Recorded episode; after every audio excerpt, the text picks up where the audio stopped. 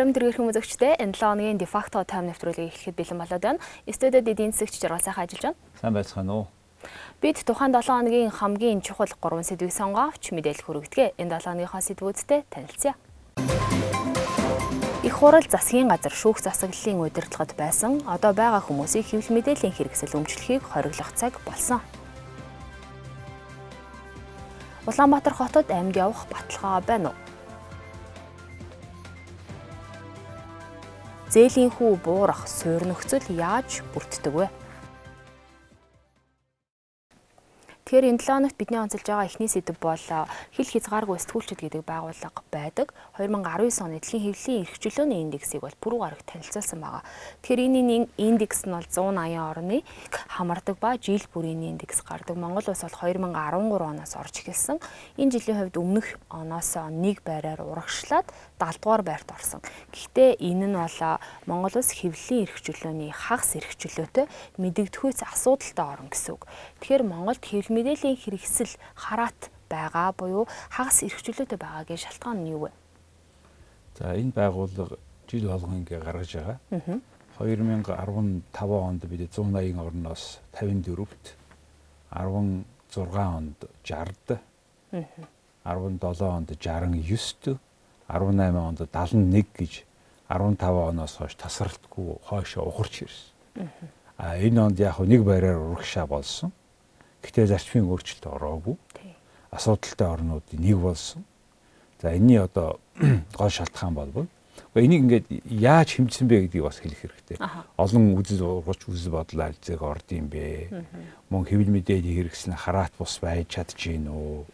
За мөн тэр тэр цензурын асуудлууд тийм ээ. Хяналтууд нь ямар байгаа юм бэ.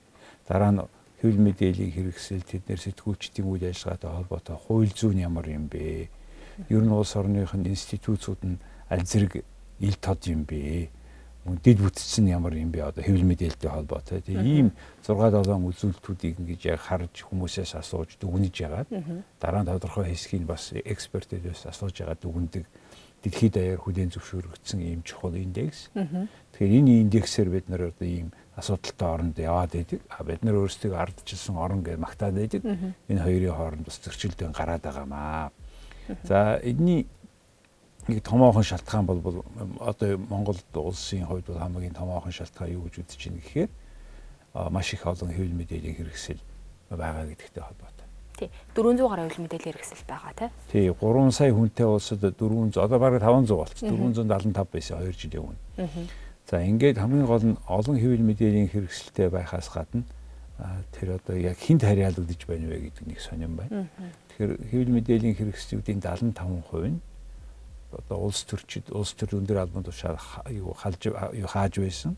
Эсвэл одоо хашиж байгаа ийм хүмүүст ийм хүмүүс харьяалагдж байгаа учраас хэвлэл мэдээллийн хэрэгслийг хараат бус байна гэж үзээд байгаа. Өөрсдийнхөө тий хараат байна гэж үзээд байгаа. Өөрийнхөө эзэдтэй холбоотой. Тэгээд манай ч одоо их сонин бусад оронд байхгүй нэг хэдийн юм шүү дээ. Монгол улсын үе үеийн ерөнхийлөгч нар хэвлэл мэдээллийн хэрэгсэлтэй байна тий. Одоо байгаа ерөнхийлөгч телевизтэй байна, өөрийн каналтай байна. Өмнөх нь вебсайттай байна. Тэрний өмнөх нь өөрийн телевизтэй, радиот юу байдгийг тий. Тэгээ энэ одоо хараат хэвлэлээс юу хараат бус байх ёстой хүмүүс өөрсдөө юм хэвлэл мэдээллийн хэрэгсэлтэй байна. Их хурлын гишүүд хэвлэлийн мэдээллийн хэрэгсэлтэндээ байгаа. Тий. Сайд дарга нарт байна Тэгэд энэ энэ дандаа энэ удирдлагын дуу хоолой болсон хэвлэл мэдээлэл тэдний энэ гарын хөлийн үзүүрээр тэдний дохиуроор ажиллаж байгаа хэвлэл мэдээллийн хэрэгсэл бол ард түмний тархийг угаахад ихээхэн оролцож ард түмнийг одоо ингээд жинхэнэ мэдээ фейк ньюс буюу хуурж мэдээ хоёрын аль нь ялгахдахгүй болцсон учраас ийм байдал бий болчиход байгаа юм аа. Тэгэхээр уг нь бол ийм жижигхэн зах зээл дээр 400 гаруй хөл мэдээллийн хэрэгсэл яаж амин зууж байгаа нь бол айгүй сонирхолтой. Яг тэрнээс чи болоод манай сэтгүүлчдийн хувьд хүмүүс манай сэтгүүлчдийн ахуйн нөхцөл амьдрал дээшлэхгүй байна. Сэтгүүлчдийн дахин боловсролд хөрөнгө оруулалт хийхгүй байна. Зөвхөн өөрсдийг нь магтан дуусан хүмүүсийг одоо нэг хоёр гадаад явуулахаас хэтрэхгүй байна. Уг нь сэтгүүл мэрэгжлийн хүмүүсийг явах бэлдэх, мастер хамгаалуулах, ийм тогтвортой ажиллах нөхцөл цалин хөлсийг бий болгохгүй байгаамаа. 475 медиа байгаа гэж хэлсэн. 485 байгаа 15 оны эцсээр. Одоо энэ тэгэхэд 101 сонин байна. 69 радио станц, 131 телевиз, 100 шахуу энэ хэвлэлийн ньюс портал байгаа юм л да. Тэгээ энэ чинь ингээд 70 80% нь улс төрчид харьяатай учраас нөгөө хэвлэл мэдээллийн хэрэгсэл бол рекламаар амьдэрдэг. Тэгээ энэ рекламыг тэр нэг хитгэн тодорхой нэг улс орон чинь нэг эдийн засгийн хэмжээс хамаарал одоо 100 сая ч юм уу доллар ч юм уу одоо тийм хэмжээний мөнгө хуваах хэрэгтэй болж байгаа. Тэгээ энэ олон хүмүүс хувааж янз бүрийн юмар ярьсаар тэр хэвлэл мэдээллийн хэрэгсэл ихэнх нь энэ Монгол улсад алдагдaltaй байгаа. Алдагдaltaй хэвлэл мэдээллийн хэрэгсэл яваад байдаг. Ажилчинтай. Гэхдээ харин тийм тэгэл нөгөө мө хідэн сэтгүүлчтэй ажилчтай халаал цөөлөөл нөгөө хідний 2 3 тишгээ яваад гих мэтэр энэ удаан үргэлжиж болохгүй. Манайхаас өөр улс оронд энэ хэвлэл мэдээллийн хэрэгслийн лицензийг авах гэдэг бол томоохон ийм сонгуулаар шаардлагаар шалгуураар гарч ирдэм байна л да. Манайд бол тэгээд ялангуяа нөө их хурдын гишүүн байхдаа эднэр чи ингээд авчих юм л да. Дуртай канал юм ингээд авчаад байгаа байхгүй. Гэх мэтэр энэ одоо ардчлалыг өөртөө ингэж амар ашиглаж байгаа ийм хачин практик Монгол бий болчиход байгаа маа. Тэгэхээр хэвлэл мэдээллийн хэрэгслийн хараат бас байдал гэхээр үндэсний олон нийтийн төлөв телевизийн талаарх өнгөрсөн 7 хоногт бас нэг үйл явдал болсон нь юу вэ гэхээр үндэсний зөвлөлийн зарим гишүүдийнх нь хугацаанд дуусаад тэгээ сольсон байгаа. Тэгэхээр энэ үндэсний зөвлөл дотор бол нэг сонирхолтой хүн томилогдсон нь прокурорын газар ажиллаж байсан үндсэн хуулийн засгийн дарга бас Жанцсан гэдэг хүн байгаа. Тэгэхээр энэ их сонирхолтой томилгоо юм л да. Та яаж харж байгаа вэ? Гэхдээ эд Жанцсан гой одоо юу бэ одоо чи бүх насаараа Монголын дээр хүн боллоо Бүхнээсаараа үндсэн хуулийн цэцтэй байлаа. Одоо 6 жил телевизийн дарга боллоо тий үндсэн үндэсний зөвлөлийн. За тэр ч яг хувь хүний хувь тэр томилсон хүмүүс нь өөрсдөө мэдээд засгийн газраас оруулж ирсэн. За засгийн газар ер нь бол манай хуулиараа энэ ер нь нэг сонин нэг хууль байгаа маа. Энэ үндэсний олон нийт радио телевизийг бол одоо ингээд зөвл 15 гишүүнтэй. 6 жилээр томилогддог.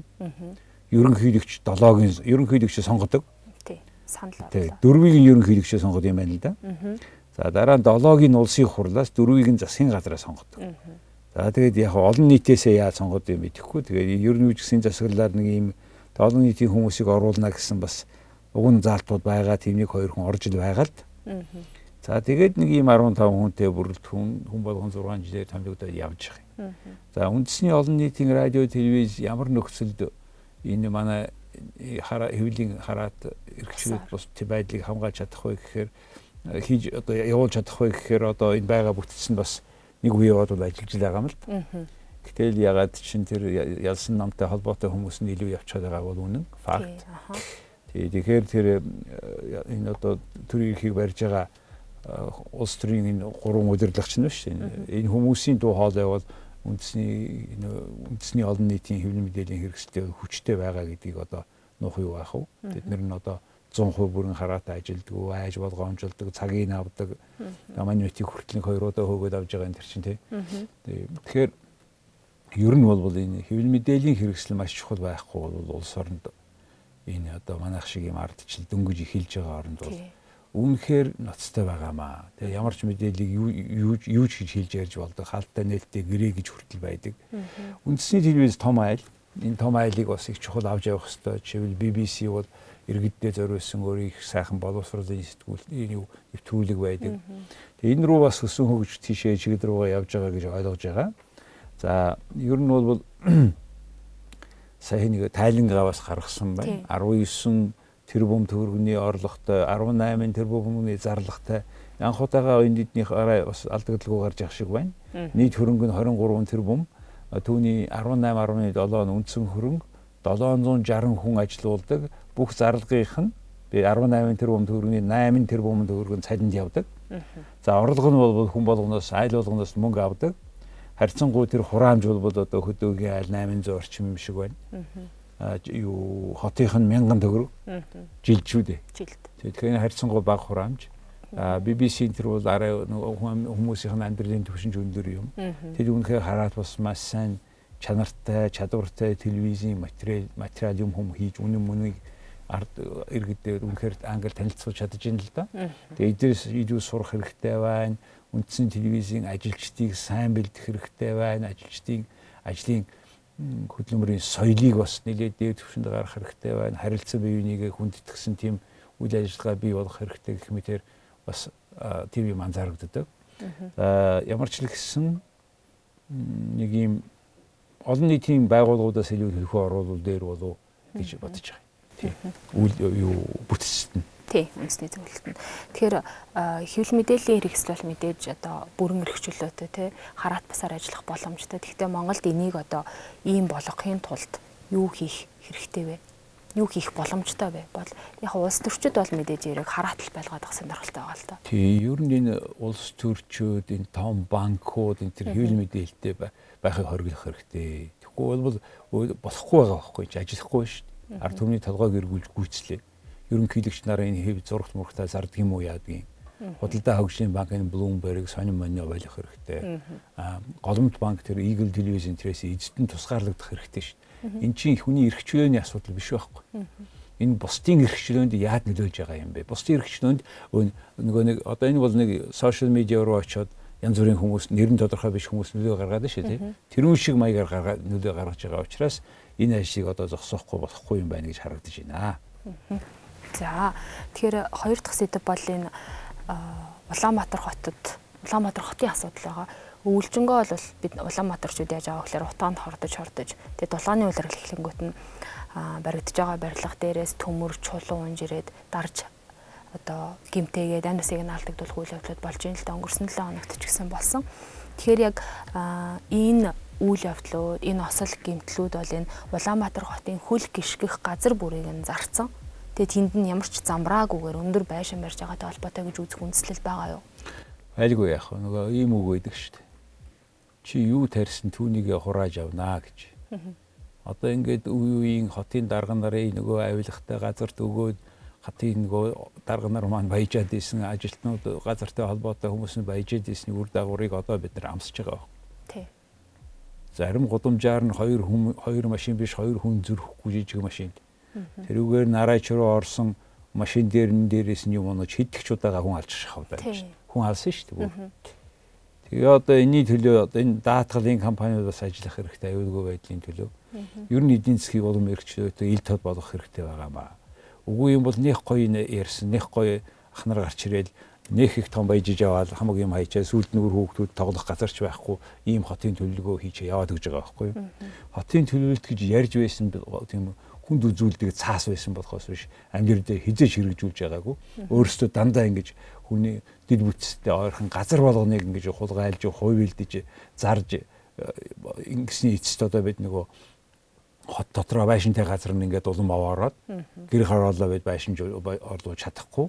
Ийм байдалд орцсон. Энийг ер нь бол сонгогч бид нар өөрсдөө буруутай л да. Ер нь бол ингээд бид нарыг ингээд нэг хитэн залтаа итгээд үл ингээд хэвлэл мэдээллийн хэрэгслийн ч барайл газар нутгийн ч хулгайлал ингээд агаарын юм болгочихоод ингээ ер нь хичнээн ингэж энэ хүмүүстэй явах юм мэдэхгүй яаж хариуцлага тооцох энийг одоо эргэд бодож тэр сонгуул дээр өөрсдийнхөө дүгнэлтийг хийх хэрэгтэй хийхгүй бол бид бүгдээрээ хотоосоо нүүх хэрэгтэй тийм л байдалд орчлоо шүү. Аха.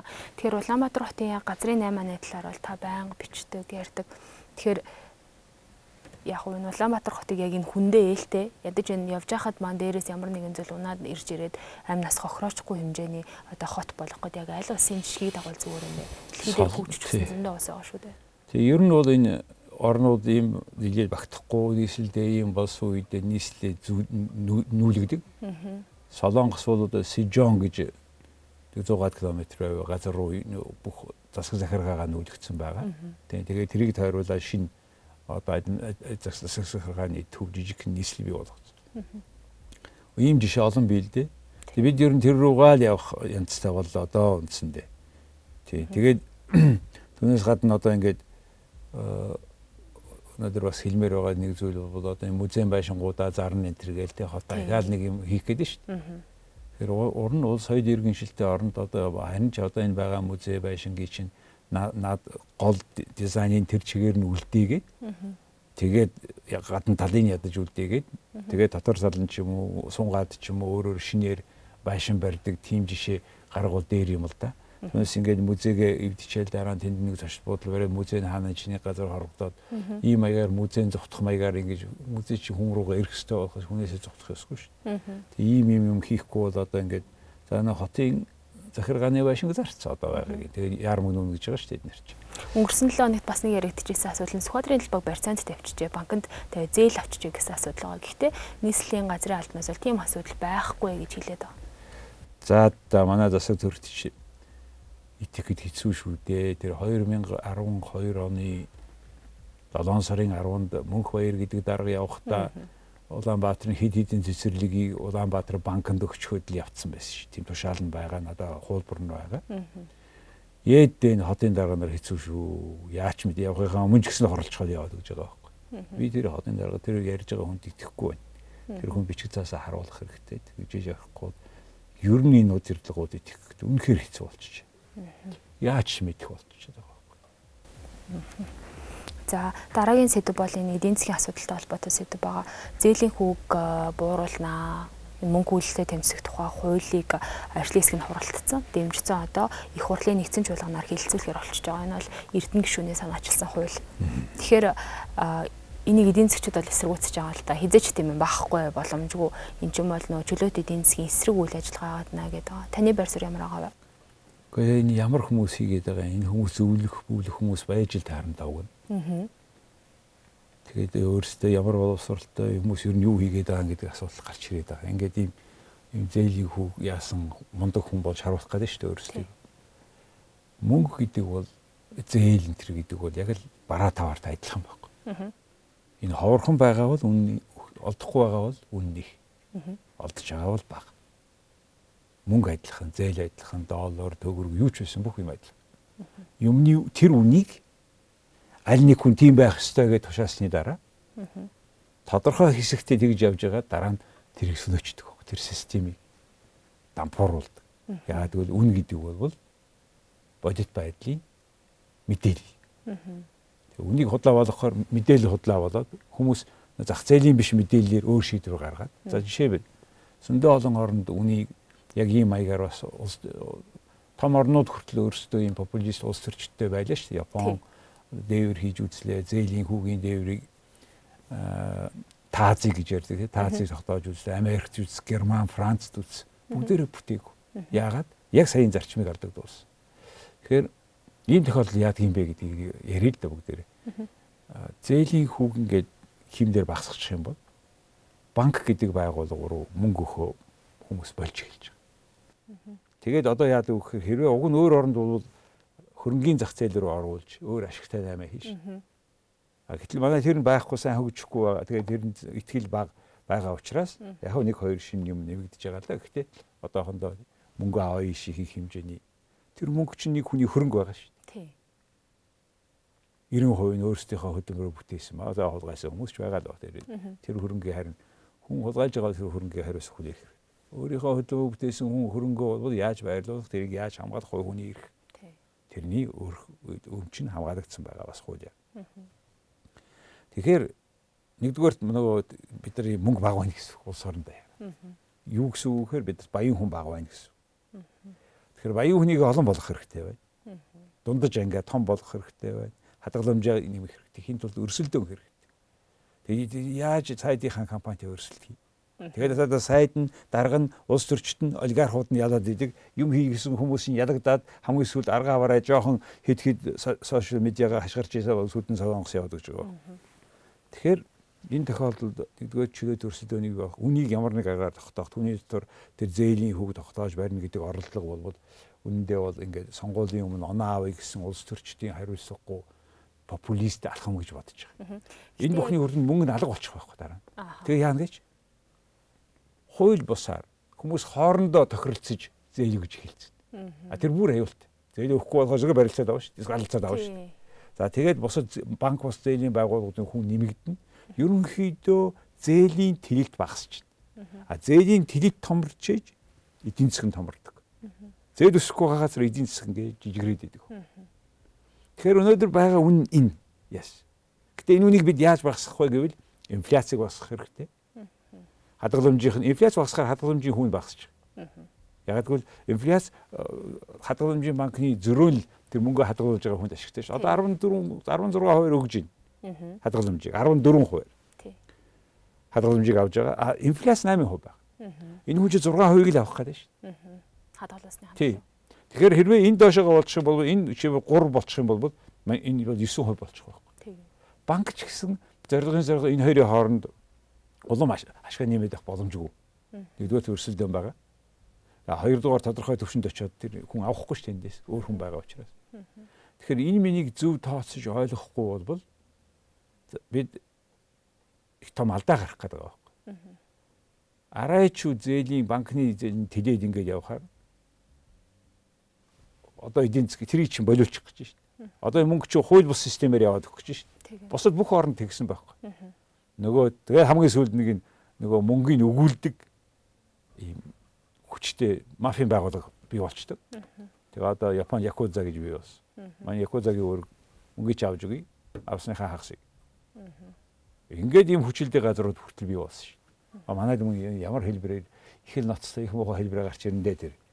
Тэгэхээр яг энэ хуулийн төслийн ажлын хэсгийн ахлагч Усын хурлын гишүүн Ж Ганбаатар бол маш одоо өөртөө ихтэйгээр энэ бол бүх улсад ингэж өндөр хөгжилтэй орнуудад хэрэгжсэн, амжилттай хэрэгжсэн гэж тайлбарлаад байгаа л да. Амжилттай хэрэгжээгүй, сүүлд нь алдаа гарсан, энэ тооцоогоо харал да. Ямар ном уншаад байгаа, ямар хэл дээр юу уншаад байгаа хүмүүс юм бэ гэдгийг хэлмээр байна. Зүгээр яг ахаал нэг туршлагын туулай болоод эдийн засгч нь багасаад, эний чинь хэмжээгээр инфляц чинь нэмэгдээд ирэндээ. Тэгэхээр одоо энийг заавал бус орнд ингээд зөндөө хийсэн дүгнэлтүүд байгаа шүү дээ. Дэлхийн банкнаас хийсэн дүгнэлт байгаа. Орон орноор нь хийсэн дүгнэлт байгаа. Германаар, Францаар, Америкаар, Японоор хийсэн. Үр дүнд нь бол Австрали хийсэн бас. Үр дүнд нь энэ алхам болбол банкны нийт зээлийн хэмжээг багасгаад хууль бус зээлийн өөр хэлбэрийн зээлийн үйл ажиллагаа нэмэгдүүлээд тэрний эрсдэл нь өндөр болоод нийгмийг улам хуваадаг юм болж ин шүү гэсэн ерөнхий дүгнэлттэй байгаа гэдгийг манай улс төрчид анхаарах хэрэгтэй шүү. Та нар маань одоо яг одоо нэг ингээд мундаг баатрууд хууль баталчаал яваад өгдөг одоо. Та нар ич одоо тэгээд хойтон сонгохгүй байх шүү. Тэгэхээр чинь энэ лэгч гэсээ тийм хорлохгүйгээр явах хэрэгтэй байна л гэж хэлмээр байна. Тарчихгүй маа гэхэд хорлохгүйгээр явчихмаар байна л гэж. Тий. Тэгэхээр яг энэ зээлийн хүү зах зээлийнхаа зарчмаар энэ буурах, буурах одоо суурь нөхцөлийг нь ямар тохиолдолд бүрдүүлэх вэ? Яавал тэр суурь нь өөрөө бүрдэх юм бэ гэдгийг та айгүй ойлгомжтойгоор тайлбарлаж өгөөч. Ягаад гэх юм бол иргэд олон нийтийн хувьд зээлийн хүү буурна гэвэл ингээ баяртай хүлээж авч байгаа. Ашгүйдээ те зээлийн хүү буурах нь. Гэтэл энэ нь яг нөгөө яг ийм зарчим, ийм нөхцөл байдал үүсчиж зээлийн хүү чи өөрөө буурнаа. Дараа нь одоо эрсдэл үүсэхгүй. Яг одоо зээлийн хүү буурсан харагдаад буурсан ч гэсэн мөнгө улам олдохгүй бол банкуд зээл өгөх сонирхолгүй болно. Банкуд ч хумигдаа жижигхэн болно Аа тэгтээ банк бас байгуулгууд сая зөвхөн банкны зээний хүүг хорих гэж шүү дээ. Тийм. Банк усыг хорж чадахгүй. Ломбардыг хорж чадахгүй. Тэгээ энэ энэ давалгаач ийшиг орноо. За тэгээ та одоо одоо тэр буруулснаас бүр олдохгүй байгаа. Тэрнээс хоёр дахин одоо банкны байгаа хүүгээс илүү хүүгээр зээл авнаа. Яг л энэ танд өгөхгүй. За дахиад арын хаалга янз бүрийн юм болно бүтэхгүй. Тэгэхээр энийг зээлийн хүү буруулах нэгдүгээр арга нь инфляцийг буруулах. Инфляц яагаад голдоо өсөж ийн гэхээр нөгөө бараа чи ховор болоод үн нэмэгдээд шүү. Тэгэхээр барааных нь нийлүүлэлтийг нэмэх зарим тохиолдолд эрэлтийг багасгах. Буюу энэ орлуулахыг энэ бараа олдохгүй байгаад энэ орлуулах барааг нь гараад ирнэ шүү.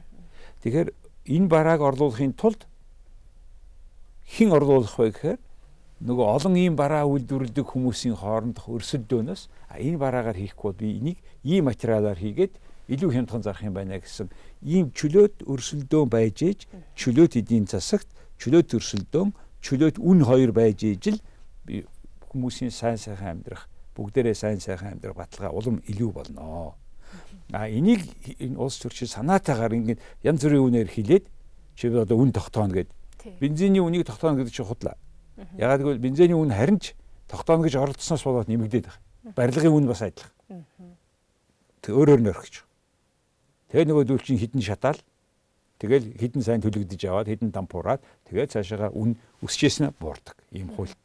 Тэгэхээр энүүгээр нь явуулахгүй болбол та бүхнийг маань ингээд энэ залтай улс төрчид гарч ирээд худлаа материйн юмс унааг хамгийн их мөнгө өөрөөсөө хийж ягаад материйн юмс унааж жагаад идээд ийнэ гэдгийг л мэдэх ёстой гэдгийг л манай иргэд анхаармаар байгаамаа. Тэгээ бүгдээрээ энэ мэдээлэлтэй, судалгаатай, мэдлэгтэй, боловсралтай хүмүүсээ сонсомоор байна. Тэр хүмүүс зөндөө олон ном уншаад, толгой нүгд зөндөө хөрөнгө оруулаад, зэрэг мэрэг хамгаалаад ингэсэн хүмүүс байгаа шүү.